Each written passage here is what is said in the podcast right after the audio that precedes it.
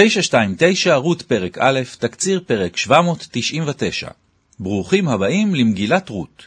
פסוקים א' עד ו', אסון רודף אסון. המשבר הראשון לאומי, ויהי רעב בארץ. משפחת אלימלך מבית לחם בוחרת להגר למואב. אלימלך, נעמי ושני הבנים מחלון וכיליון. המשבר השני משפחתי, וימות אלימלך איש נעמי. נעמי והבנים נשארים במואב, ואפילו מנסים להשתקע, וישאו להם נשים מואביות, שם האחת עורפה, ושם השנית רות. וישבו שם כעשר שנים. המשבר השלישי, מות הבנים. רק שלוש נשים נשארות, אבל יש אור בקצה המנהרה. בבית לחם כבר יש לחם, כי פקד אדוני את עמו. פסוקים ז' עד י"ח, בדרך חזרה פרידה והיקשרות. נעמי ושתי כלותיה, רות ועורפה, יוצאות לדרך לכיוון ארץ יהודה. בדרך מנסה רות לשכנע אותן להישאר במואב ולא לבוא עמה. למה תלכנה עמי?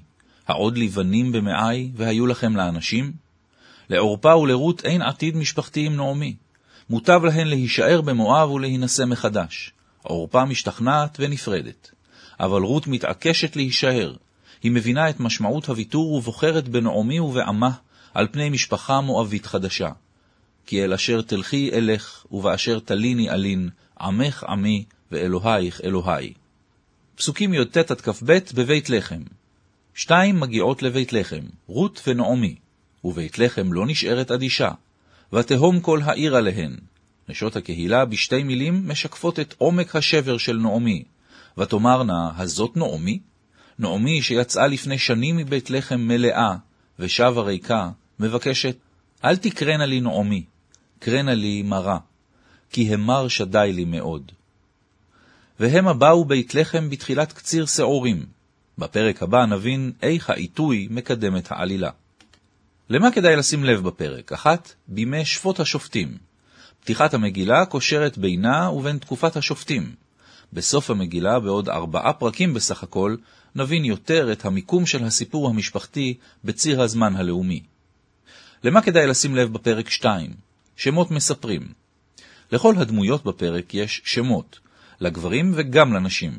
אלימלך, ושם אשתו נעמי, ושם שני בניו מחלון וכיליון, נשים מואביות, שם האחת עורפה, ושם השנית רות. פסוקים ב' עד ד'. צליל שמות הבנים מחלון וכיליון מתאים לסיפור על סופם הטרגי. שמה של עורפה יכול ללמד על הפרידה, הפניית העורף לרות, אם כי הסיפור אינו שופט אותה לשלילה. נעמי מעידה על עצמה ששמה עם צלילו הנעים כבר אינו מתאים לה. קרנה לי מרה, כי המר שדי לי מאוד, פסוק כ'.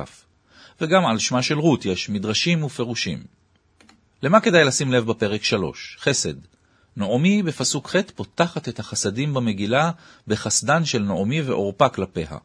יעש אדוני עמכם חסד כאשר עשיתם עם המתים ועמדי. תשאירו את הרשימה פתוחה. למה כדאי לשים לב בפרק 4? דבקות. רות בוחרת להישאר עם נעמי ולוותר על משפחתה. מלבד הצהרת הנאמנות המרגשת, מעיד עליה הכתוב, ורות דבקה בה, פסוק י"ד. ומהדהד את הכתוב, על כן יעזוב איש את אביו ואת אמו, ודבק באשתו והיו לבשר אחד. בראשית, פרק ב', פסוק כ"ד. ולמה כדאי לשים לב בפרק 5? דש מאברהם.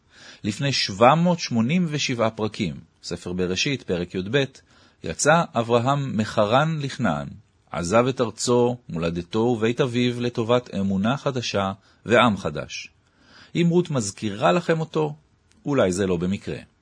את התקציר כתבה מרים בלומנטל.